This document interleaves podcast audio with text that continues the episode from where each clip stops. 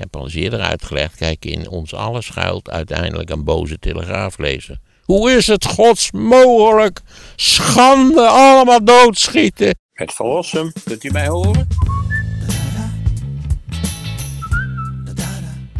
Uiteindelijk, we zien het wel, toch? Hoe het ga- gaat Ja, ik heb het ook gehad, maar ik had het dus niet. Ik had niet eens geweten dat ik het had. Als ik niet gebeld was, het zou kunnen dat je het hebt. Ja, ja. Dus ja, het is natuurlijk voor sommige mensen rampzalig, maar er zijn ook de meeste mensen hebben er volgens mij niet bijster veel last van. Nee. Want ik heb natuurlijk drie boosters gehad. Die kunnen je niet bekeuren. Nee. Ik heb drie boosters gehad en ik heb het zelf gehad natuurlijk. Afgezien van de vaccinatie twee jaar geleden. Dat is ook alweer twee jaar geleden, ja. Hè? Volgens mij wel. Of En, één jaar geleden. en je hebt die booster nu gehad, toch? Ja, die heb ik kort geleden nog gehad. Ja. Ja, kort geleden, twee weken geleden. Kan iedereen die nu halen? Ik dacht het wel. Het was goed georganiseerd deze keer. Oké, in de jaarbeurs was je. Nee, het eh, nou ja, daar achter de jaarbeurs daar is, een, daar is het voormalige Nederlandse casino. Ja. Holland Casino. En het is in het gebouw van het Holland Casino.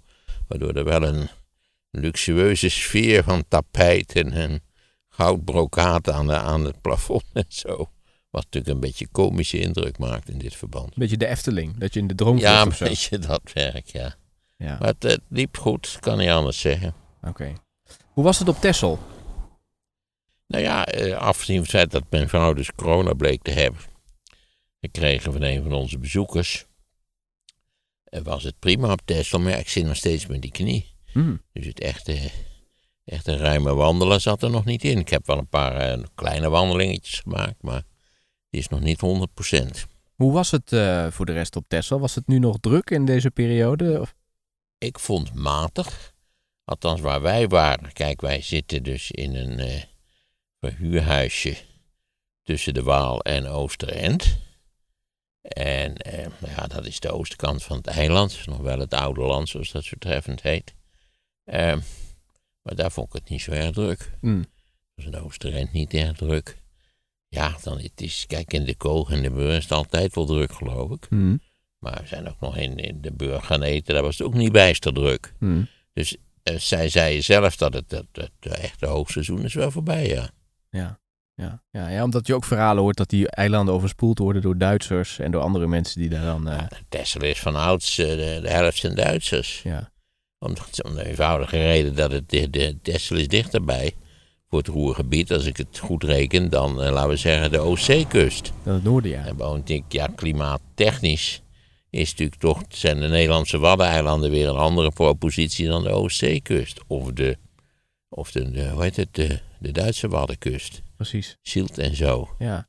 En je hebt ook die uitzending van ehm, eh, de Van Rossums eh, gemaakt op Texel. Dat hebben we gisteren en eergisteren gedaan, ja. En mag je daar al iets over verklappen of is dat nog strikt geheim? Nou, ik denk als ik nu iets verklap, dat iedereen dat vergeten is tegen de tijd dat die uitzending op het scherm Dat verschijnt. is over drie jaar of zo. Nou, dat is, als ik het wel heb volgend jaar mei.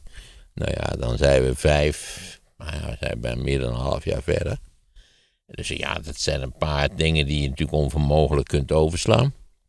Eh, we hebben gediscussieerd over het toerisme. Te veel, te weinig, net goed, eh, dat werk.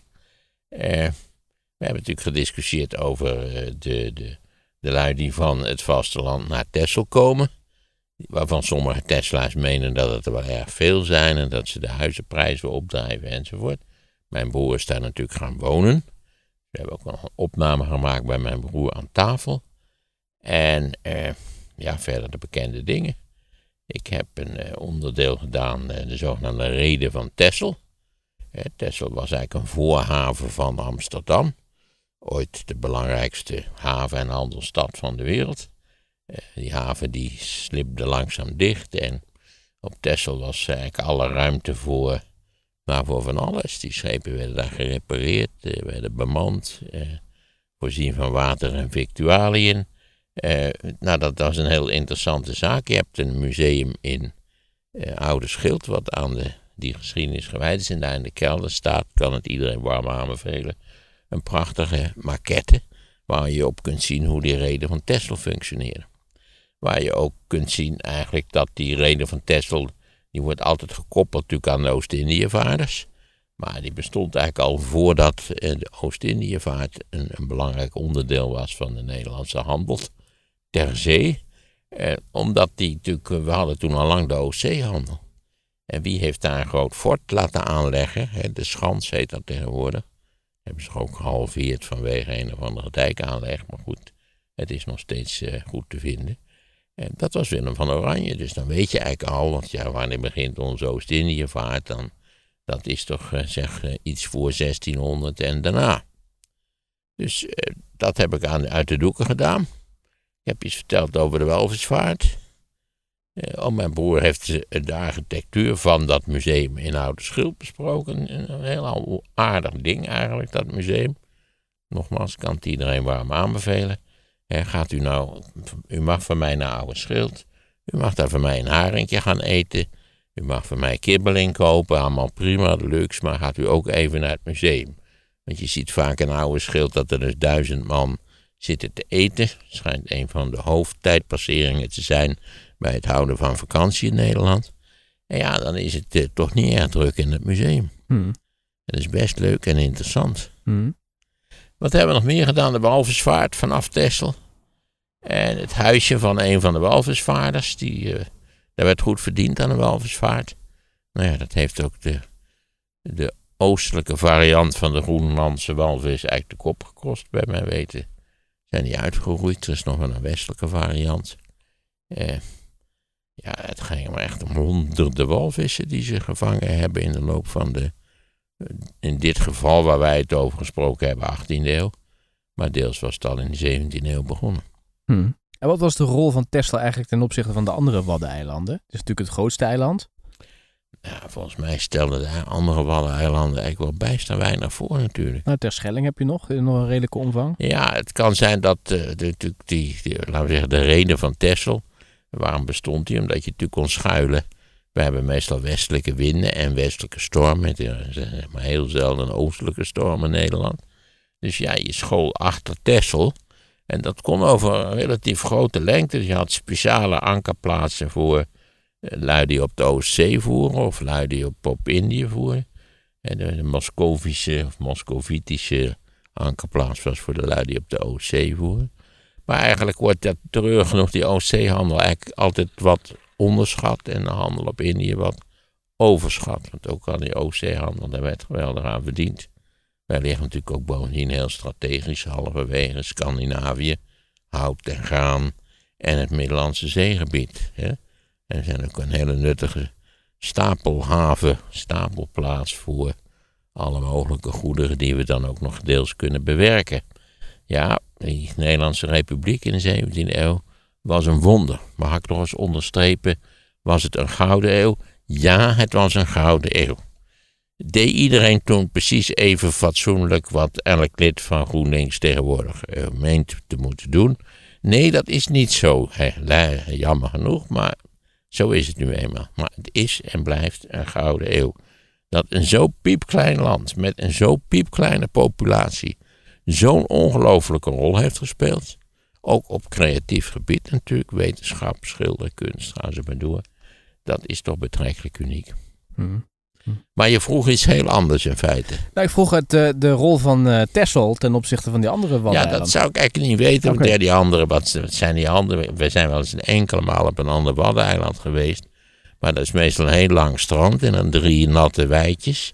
En that's it. En dan ligt er nog een dorp en dat is het dan zo'n beetje. Het is wel heerlijk rustig daar. Je komt daar wel als je eens een keer... Uh, nou, ik heb begrepen dat het op Terschelling in de zomer ook niet zo verschrikkelijk nee, rustig in de zomer is. niet. In de zomer niet. Maar in, nu in de herfst denk ik dat je heerlijk daar kunt toeven. Lekkere wandelingen maken op maar het goed, ik heb op Texel ook heerlijk getoefd. Ja. Dat ik nou toevallig geen lekkere wandelingen heb gemaakt, komt licht aan mijn knie.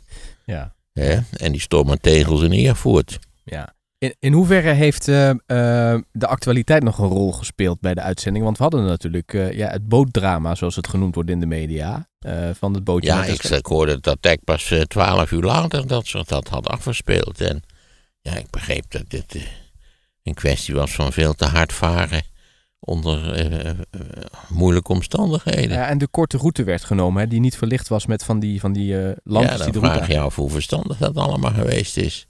Ja, je weet dat altijd bij dit type van ongeluk, het is een stapeling van van tegenzittende of, of, of moe- moeizame factoren.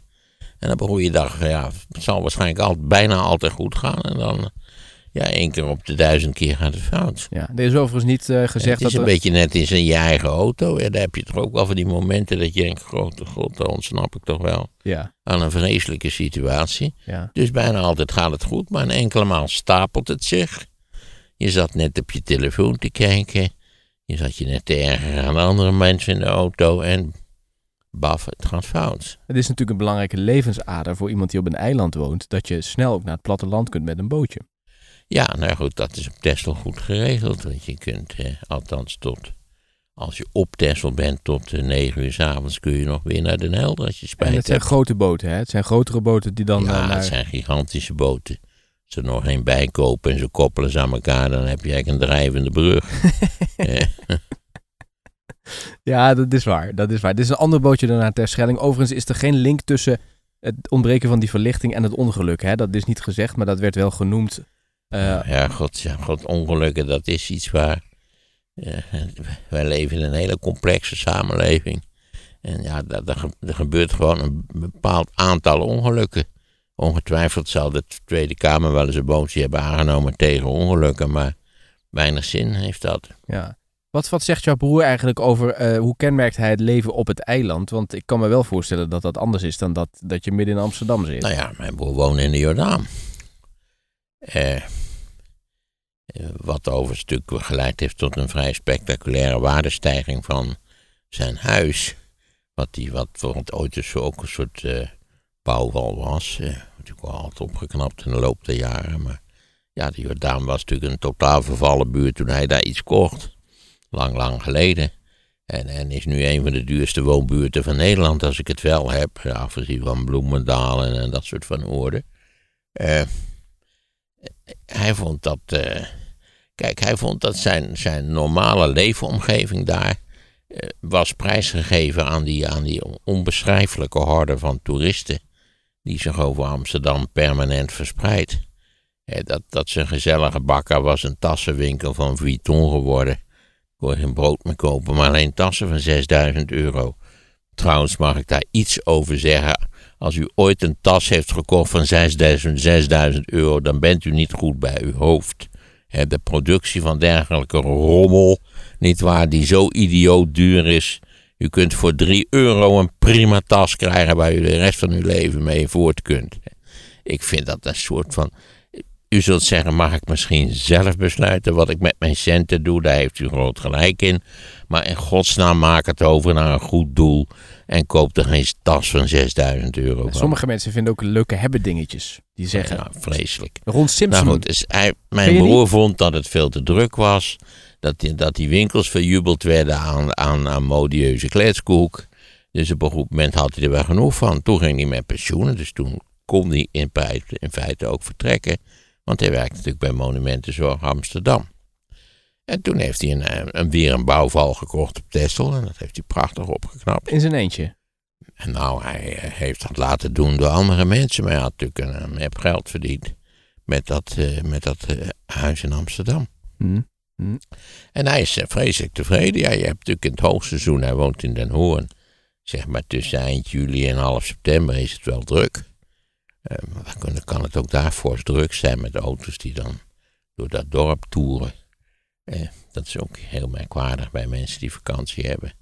Dat zij voortdurend met hun eigen auto dan zo'n beetje rondrijden alsof zij niet veel nuttigs te doen hebben.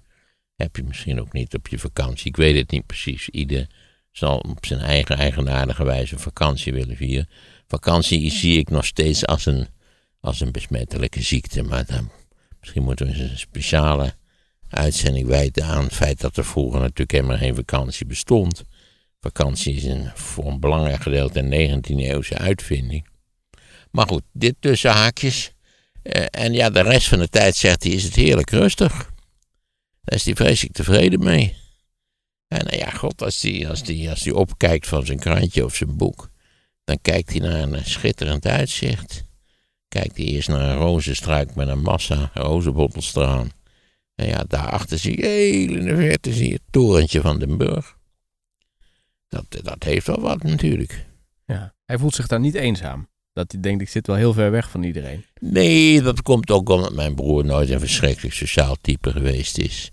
Dat is niet een jongen die, die elke drie dagen met al zijn vrienden gaan biljarten of zo. Dat is, nee, nee, absoluut niet. Ja, jij lacht om en ik, ik vind dit voorbeeld ook al komisch werken. Ja, Ik zie hem dan zo staan met, dat, eh, met die, hoe noem je dat, dat ding, die stok?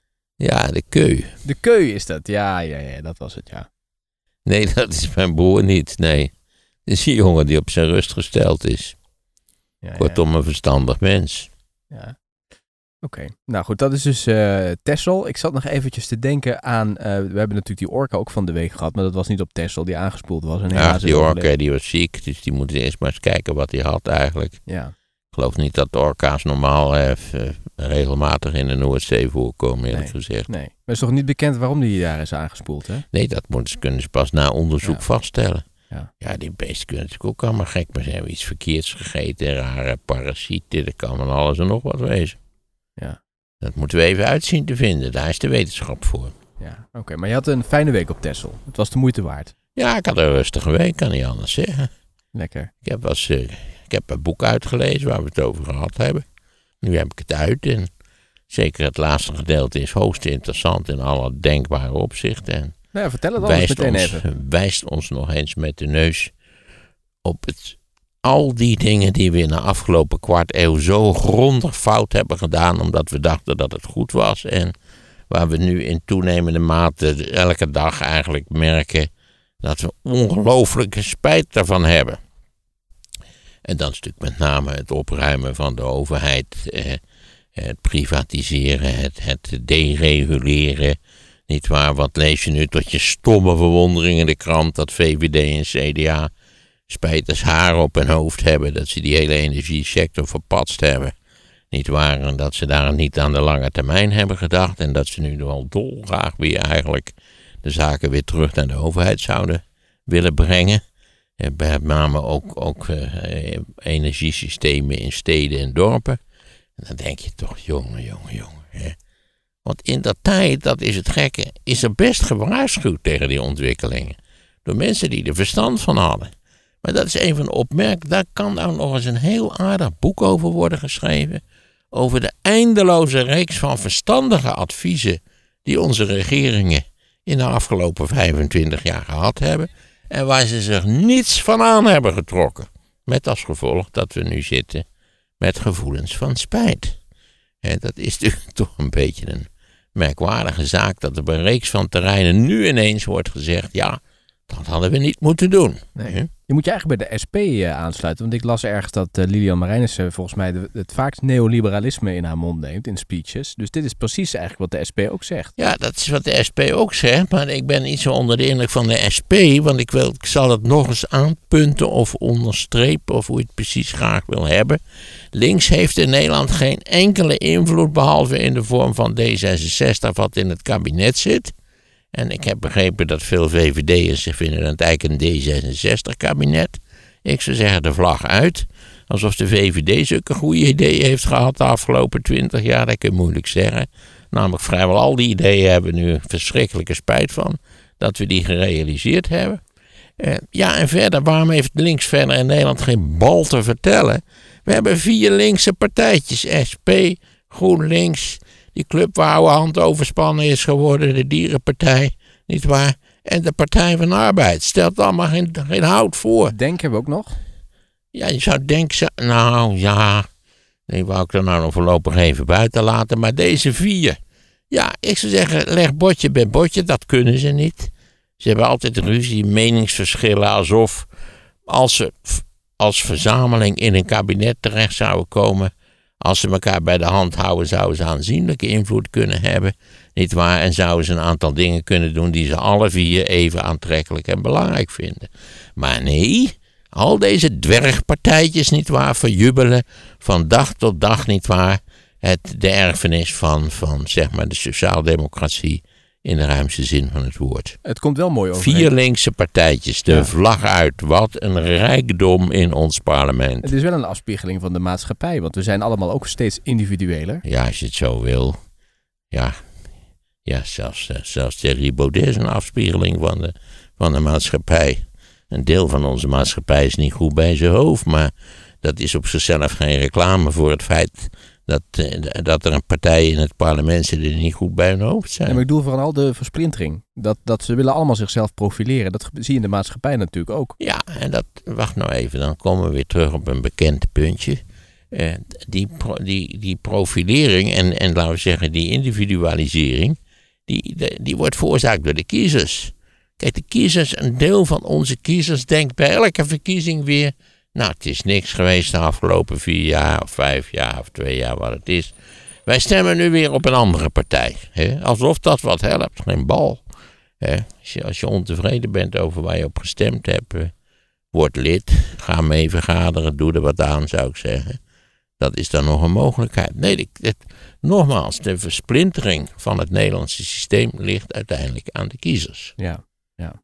Maar ik snap wel dat als... je- Maar bij die vier partijtjes waar ik het over had, die zouden best de handen in één kunnen slaan. Ja, maar je kunt maar één lijsttrekker hebben. En dan krijgen ze natuurlijk ruzie. Wie moet dat doen? Moet Klaver het doen? Moet Ouwehand het gaan doen? Ze willen natuurlijk allemaal vooraan staan.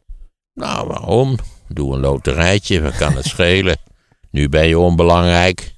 Ja, het kan zijn dat je uitgeloot wordt, ben je ook onbelangrijk. Zo belangrijk is dat niet. Maar ze krijgen nu wel allemaal Oude hand aandacht. is al overspannen, dus die hoeft niet mee te doen. Nee, die trouwens wel een sterke indruk vond ik altijd maakte in de debatten.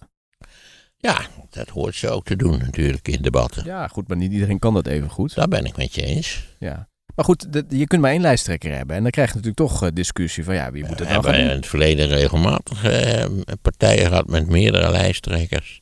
Niet dat het een groot succes geworden is, maar er is niks tegen meerdere lijsttrekkers. Maar hoe werkt dat dan? Je mag wat mij betreft kun je, kun je 15 lijsttrekkers hebben.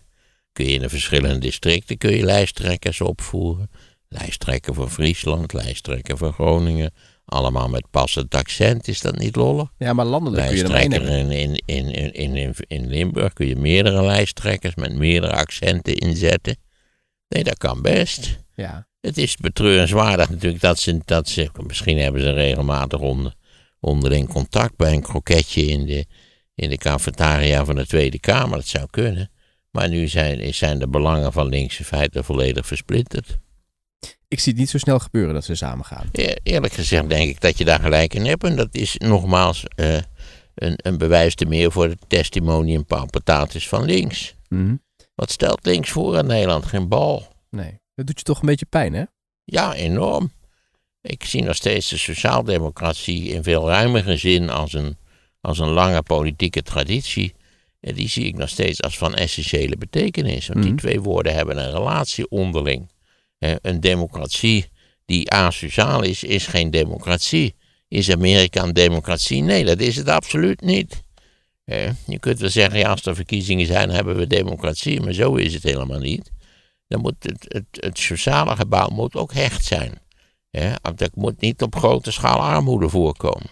Dan moet hier niet dadelijk een, een, met zo'n waar Breugeliaans wagentje voorbij komen, komen zetten. Dat willen we liever niet. Dus ja, een democratie moet sociaal zijn, zo sociaal mogelijk. Dus ja, de sociaaldemocratie is, een, is essentieel. Die, die, die woordcombinatie is essentieel. Vooral omdat de praktijk essentieel is in dit geval. Ja. En, en nou ja, ook daar moet. In, in Nederland is het gelukkig zo dat eh, ons systeem van sociale verzekeringen een, een egaliserende werking heeft. Maar eh, als, als bij ons het gasprijs omhoog gaat, blijken plotseling miljoenen mensen bedreigd te worden door een soort armoedeval. Ja, daar denk je ook bij jezelf. Nou, nou, nou. Dat valt me nou eigenlijk nogal tegen. We zijn een van de rijkste landen van Europa. We horen tot de twintig rijkste landen ter wereld. En dan rekenen we nog al die godvergeten Arabische republiekjes, die rekenen we nog mee. Mhm. Republiekjes, sultanaten, weet ik wat het zijn. Ja. Maar ik, toch nog even over die kiezer. Hè? Want het is toch zo als links zich bij elkaar raapt en zegt... wij gaan bij elkaar, we kiezen één lijsttrekker, we maken één partij... dan heeft de kiezer toch nog maar nog keuze uit één partij. Dus dan ligt de invloed en de Wat is verantwoordelijkheid... het, wat is er zo fijn aan het feit dat we een keuze hebben tussen vier linkse partijtjes? Zou jij de verschillen vlijmscherp kunnen opnoemen? nee, nee, helemaal niet. Nee, de SP heeft een eurotrauma. Ja. Dus zijn die, iets communistischer. Daar kan een verstand, verstandig mens er sowieso niet op stemmen. De dierenpartij heeft een dierentrauma. Allemaal heel erg en belangrijk. En daar moet iets aan gedaan worden. Maar het is niet meer dan een onderdeel van, van maatschappelijke problemen. De Partij van de Arbeid die likt nog steeds de wonden die ze hebben opgelopen in de samenwerking met de VVD. En wat hebben we dan nog meer? GroenLinks. Ja, die heeft ooit zeven zetels gewonnen. En vervolgens zijn ze op een puntje uit de formatie gestapt. Niet waar, wat vervolgens de, de daaropvolgende jaren geen enkele betekenis bleek te hebben.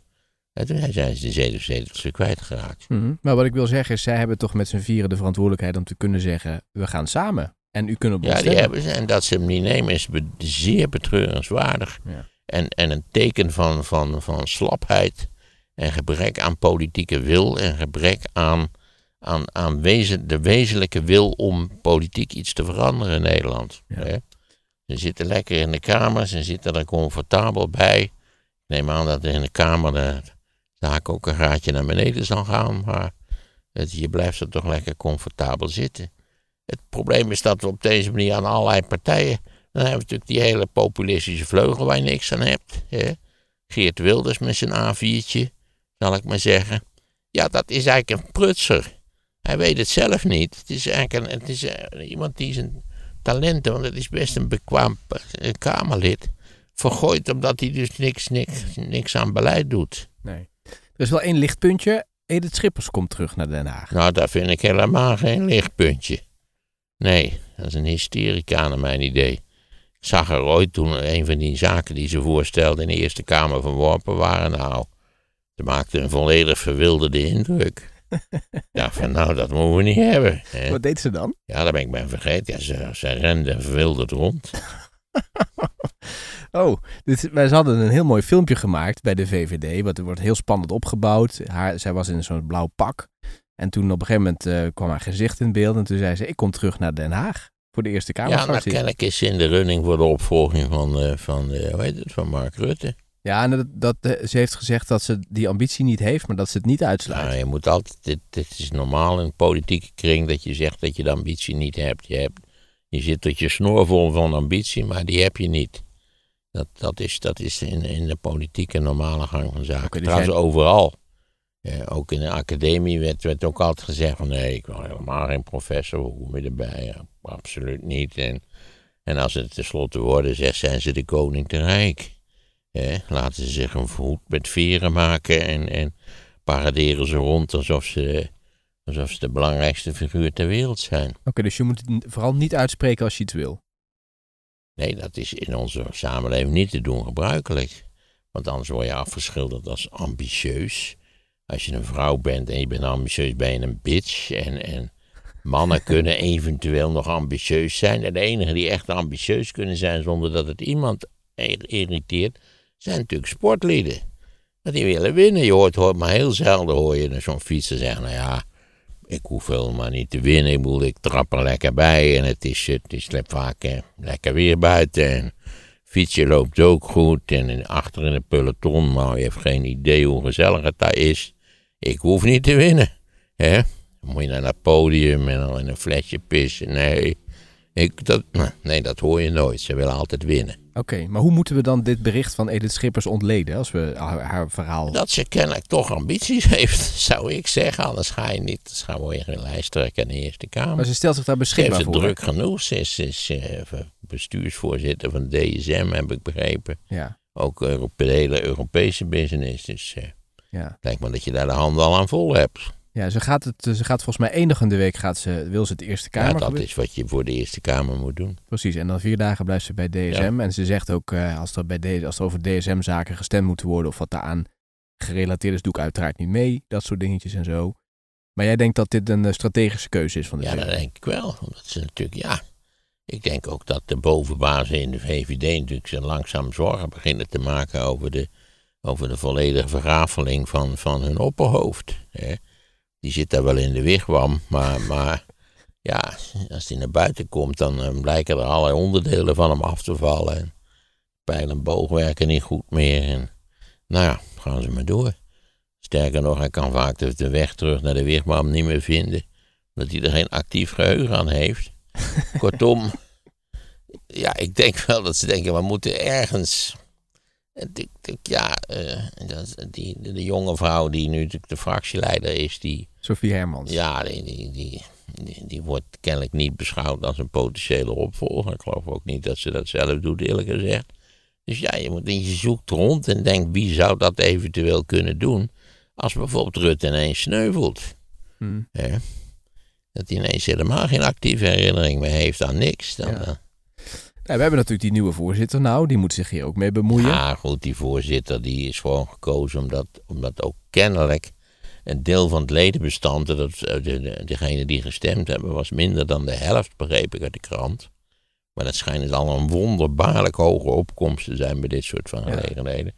Eh, ja, die, die, die, eigenlijk dat hij gekozen is, maakt duidelijk dat er ergernis is in die partij over, nou ja, wat, wat, hoe werd het genoemd, een applausmachine. Ja, dat er weinig kritiek is, weinig nieuwe ideeën, weinig verandering. Ja, veranderingslust wel te begrijpen. Daar gaat Tom-Jan Meeuws nu over de politiek hebben. Ja, maar die heeft net een prachtstuk geschreven over hoe we in die gasbusiness eh, alles verkeerd hebben gedaan wat Ja. we verkeerd konden doen. hij gaat nu op de fiets. Normaal Ja. wandelt hij, maar hij gaat nu even Ja. fietsen door de straat. Ik neem aan dat hij niet steeds hier voorbij komt om te controleren of wij onze plicht wel doen. Nee, dat denk ik niet. Dat denk ik niet. Maar dat terzijde even. Je had het Ja. over, over eh, Schippers en Rutte. Ja, dus ik denk dat het, ja, eh, dat het toch wel een soort, soort wanhoopsdaad is misschien. Eh, laten we eens kijken hoe het, hoe het valt. Ah, hoe je denkt niet dat die nieuwe voorzitter al hiermee iets Want, mee te eh, maken weet- heeft? Zou jij iemand anders weten in VVD-kring die, Nou, die Jezilkes. bruikbaar is? eh Jezilkes, die profileert zich toch ook best wel sterk. Wie is dat? ja, die van Justitie en Veiligheid. Ik hoop dat ik het goed uitspreek. Jezilkes heet zij toch? Oh, Je- Jezilgus. Of, Ja, Die ja. bedoel je, ja, ja. je weet wie ik bedoel, toch? Ja, dan moet ze wel snel zorgen van het ministerie af te komen, want dat, dat is. Dat, dat beschadigt vrijwel iedereen. En Ik ben ervan overtuigd dat als ook een, een prominent heilige eh, minister zou worden op veiligheid en justitie. Je brandt altijd, er is altijd wel een bonnetje wat ze niet kunnen vinden. Eh, Dat was Opstelten. raar intern overleg wat nooit had moeten plaatsvinden. Nou gaan ze maar door. Wat, eh, ja, ook zo'n geweldige VVD-uitvinding trouwens, hè, vrede en, en, en justitie, eh, veiligheid en justitie. Want zij hoopten natuurlijk te scoren. Hè, ze, eh, wanneer speelt dit vanaf eh, de 2010, neem ik aan. Ze hoopten daar natuurlijk lekker te scoren als de partij van, van, van rust en veiligheid. En het heeft niets dan onbeschrijfelijk ellende gebracht voor een reeks van VVD'ers natuurlijk. ja, ja. Maar ze heeft ook de HJ schoollezing heeft ze gedaan. En dat heeft Rutte heeft dat ook jaren geleden gedaan. Dus er zijn mensen die Zeker, zeggen... laat iedereen trouwens die HJ schoollezing nog eens lezen van Rutte. Dat is heel, heel interessant om dat te lezen. In feite is het, hij begint dan met, eh, hij zet in met retorisch eh, de bazuinen schallen, zal ik maar zeggen. Ja, tegen ideologie en grootse plannen, dat moeten we allemaal niet hebben. Alsof we die in Nederland ooit gehad hebben, maar goed. En dan tenslotte vertelt hij dan waar hij wel voor is. En, en eigenlijk is dat een vrij compacte beschrijving van het feit dat hij ook een ideologie heeft. Namelijk de bekende neoliberale zelfredzaamheid-ideologie. Waardoor er grote maatschappelijke problemen zijn ontstaan in Nederland. Hmm, ja. Maar die, die je natuurlijk herkent in een reeks van, van eh, wetten die in de afgelopen twaalf jaar zijn aangenomen. Wat de VVD wel gaat doen, is ze gaan denk ik wel een vrouwelijke eh, opvolger voor Rutte zoeken. Ze voelen wel aan dat daar nu echt de Nou tijd ja, voor hebben. Schippers is ook een vrouw, dus ja. Ja, en die is Ilkes ook. Dus ik, eh, die, zou ik, die acht ik ook nog wel kansrijk hoor. Oh, ik moet eens vragen hoe we die naam uitspreken. Ja, dat moeten we aan Thomas van Groningen vragen. Die weet dat goed. Oh, die weet dat. Oké. Ja. Maar zij zat ook, eh, ze zit ook steeds vaker in tv-programma's om dan mee te praten. En dan denk ik, ja, dat doe je niet zomaar. Dan dat, dat, Nou ja, het zou kunnen. Ja. een beetje het publiek voorbereiden op, denk ik dan. Nou, dat nog niet eens. Ik denk meer van dat, er- dat er natuurlijk een tweede echelon gecreëerd moet worden. Wat althans over een zodanige politieke ervaring en deskundigheid beschikt. dat er nog iets te kiezen valt. als Rutte tenslotte zo ingrijpend verrafelt dat hij weg moet. Ja. Een proces wat de mijn idee al enige tijd gaande is. Ja. Nog wel een interessant... Je hebt ook wel eens de indruk, doet hij eigenlijk wel iets? Of, of, eh, Hmm, ja, Kijk, als het lastig wordt, dan wordt Remkes gebeld. Hè? dat is waar. Ja. Hè? De laatste roker en jeneverdrinker van Nederland. En ja, je ziet hoe gunstig dat uitwerkt op de politieke verstandigheid. Dat kun je toch wel zeggen. Ja. ja. Uh, Klaas Dijkhoff had een, uh, een presentatie ergens gehouden. Die heeft nu zo'n communicatiebureau. En daar had hij dus verteld hoe ze bij de VVD die uh, overwinningen steeds hebben behaald. En daar was volgens mij één uitspraak. Als je inspeelt, goed inspeelt op het onbewuste brein, dan win je keer op keer, zegt hij. Nou, dat heeft de VVD goed gedaan. En dat heeft, is ook vertaald in beleid. En dat heeft ons vaderland weinig goed gedaan in de afgelopen twintig jaar. Zullen we dat eens constateren? Ze zijn natuurlijk vanaf, nou ja, vanaf 2010 zijn ze volgens mij de grootste partij. Ja, dat is die verpletterende nederlaag van, eh, van natuurlijk het CDA. En die geweldige overwinning van, uh, van Geert. Vandaar dat eerste kabinet Rutte, waar die misschien ook liever niet aan herinnerd wordt dat dat ooit bestaan heeft en zo. Nee, dus ja, ik zou zeggen, heel fijn de onderbuik. Maar uh, beleid kan beter niet in de onderbuik gemaakt worden. Oké, dus jij vindt dat eigenlijk een kwalijke strategie die ze toepassen? Ja, ik vind het misbruik maken in feite van, ja, van menselijke zwakheden. Ik, ik vind dat je mensen aan moet spreken op hun verstandige ideeën.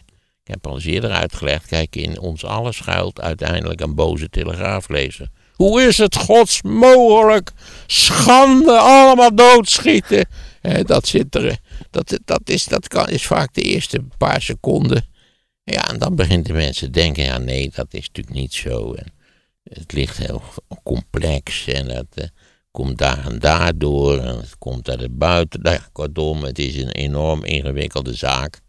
Want uh, als onze eerste telegraafreactie, om hem even gemakshalve zo te noemen, uh, ja, dan, die, die veroorzaakt alleen maar ongelukken en nog grotere verwarring en narigheid. Ja, ja daar ben ik met je eens. Dat, dat merk ik ook wel in je persoonlijke leven. Dat je eerst altijd even tot tien moet tellen. En dan ja, ja je wordt dan woedend. Hè? God, beter het nog aan toe. Hij is dat borsteltje weer weg. Hè, dat werkt. Ja, tot je ineens denkt, verrek.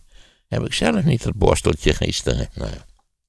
Ja, dus dat is een, een, belangrijke les voor ons allemaal. En de VVD maakt er dus eigenlijk misbruik van door zo op deze manier. Ja, ik ben geen voorstander van het voortdurend, eh, laten we zeggen, mikken op de onderbuikgevoelens van de bevolking. Want je weet dat die vaak een weinig feestelijk karakter hebben. Ja. ja, het onbewuste brein noemt hij het dus, uh, Dijkhoff, maar jij noemt het dus de onderbuik. Ja, dat is het reptiele brein. Ik bedoel, ja, het woord reptiel is nu ook belast geraakt.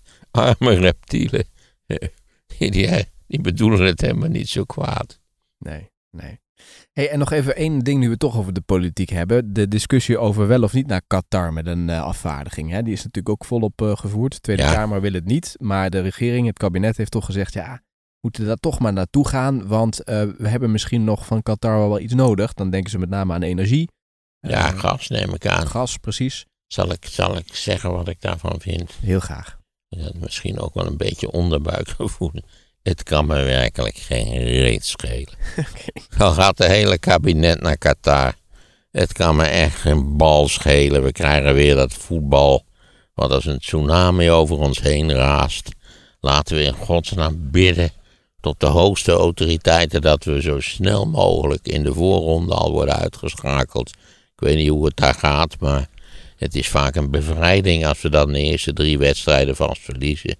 Dan kun je weer terug en dan is het, uh, is het wel klaar. Dus de koning mag van jou ook prima die kant op? Ja, naar Qatar, waarom niet?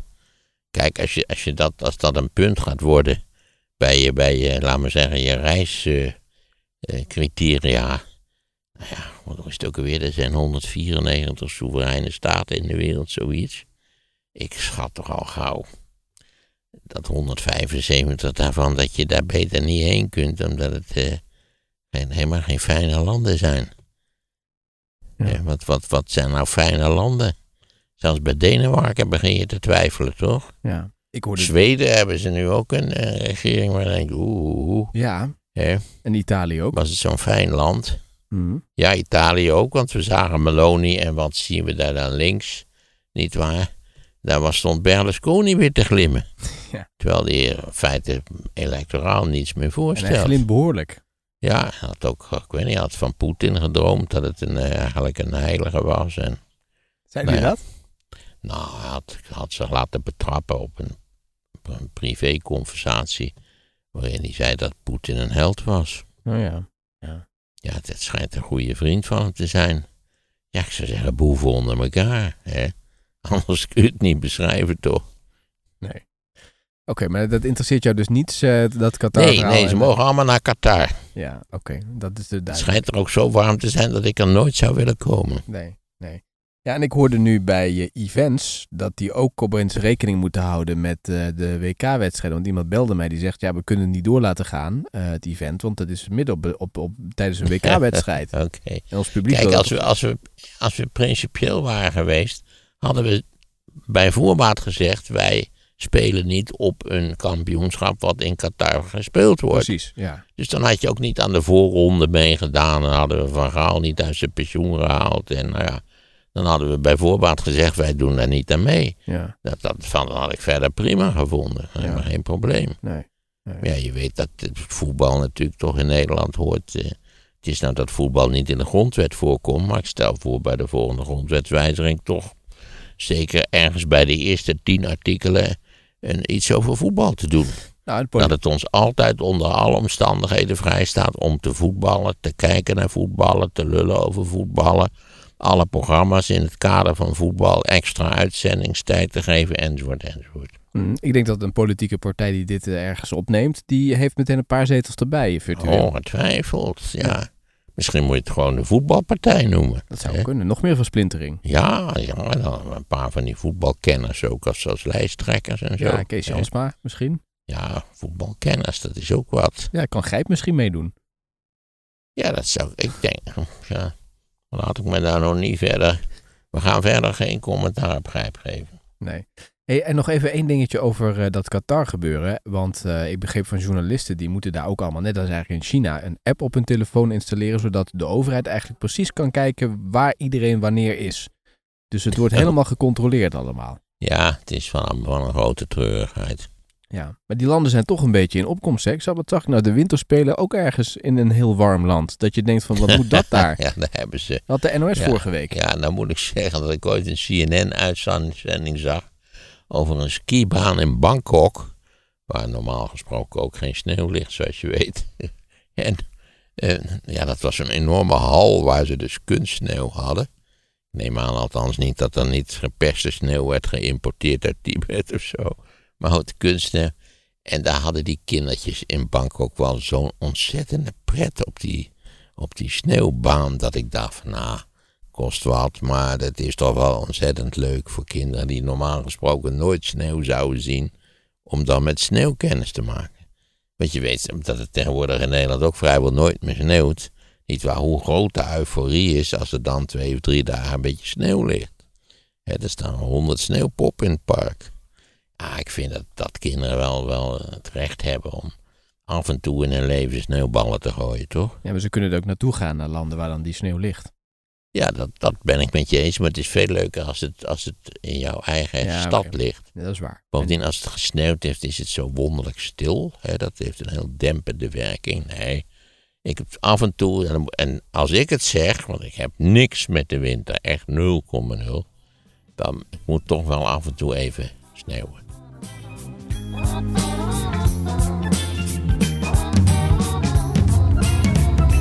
Oh, Jezilgus. Voor heel veel blanke Amerikanen met een lage opleiding staat hij voor herstel van wat ooit in hun ogen het geweldige Amerika was. En u moet daarbij denken aan het Amerika van de jaren 50. Het luisterboek over het tijdperk Donald Trump. The American people are poised to reject the failed reign of Joe Biden, Nancy Pelosi. Download het luisterboek via de link in de show. Dat is allemaal een beetje rare retoriek, maar daar staat Donald Trump voor. Mijn naam is Julian Jachtenberg en mijn missie is om Nederland beter te helpen slapen. In de podcast van Sea Level ga jij leren welke praktische tips je deze week nog kan toepassen om de beste nachtrust ooit te ervaren. Check de link in de show notes en slaap lekker.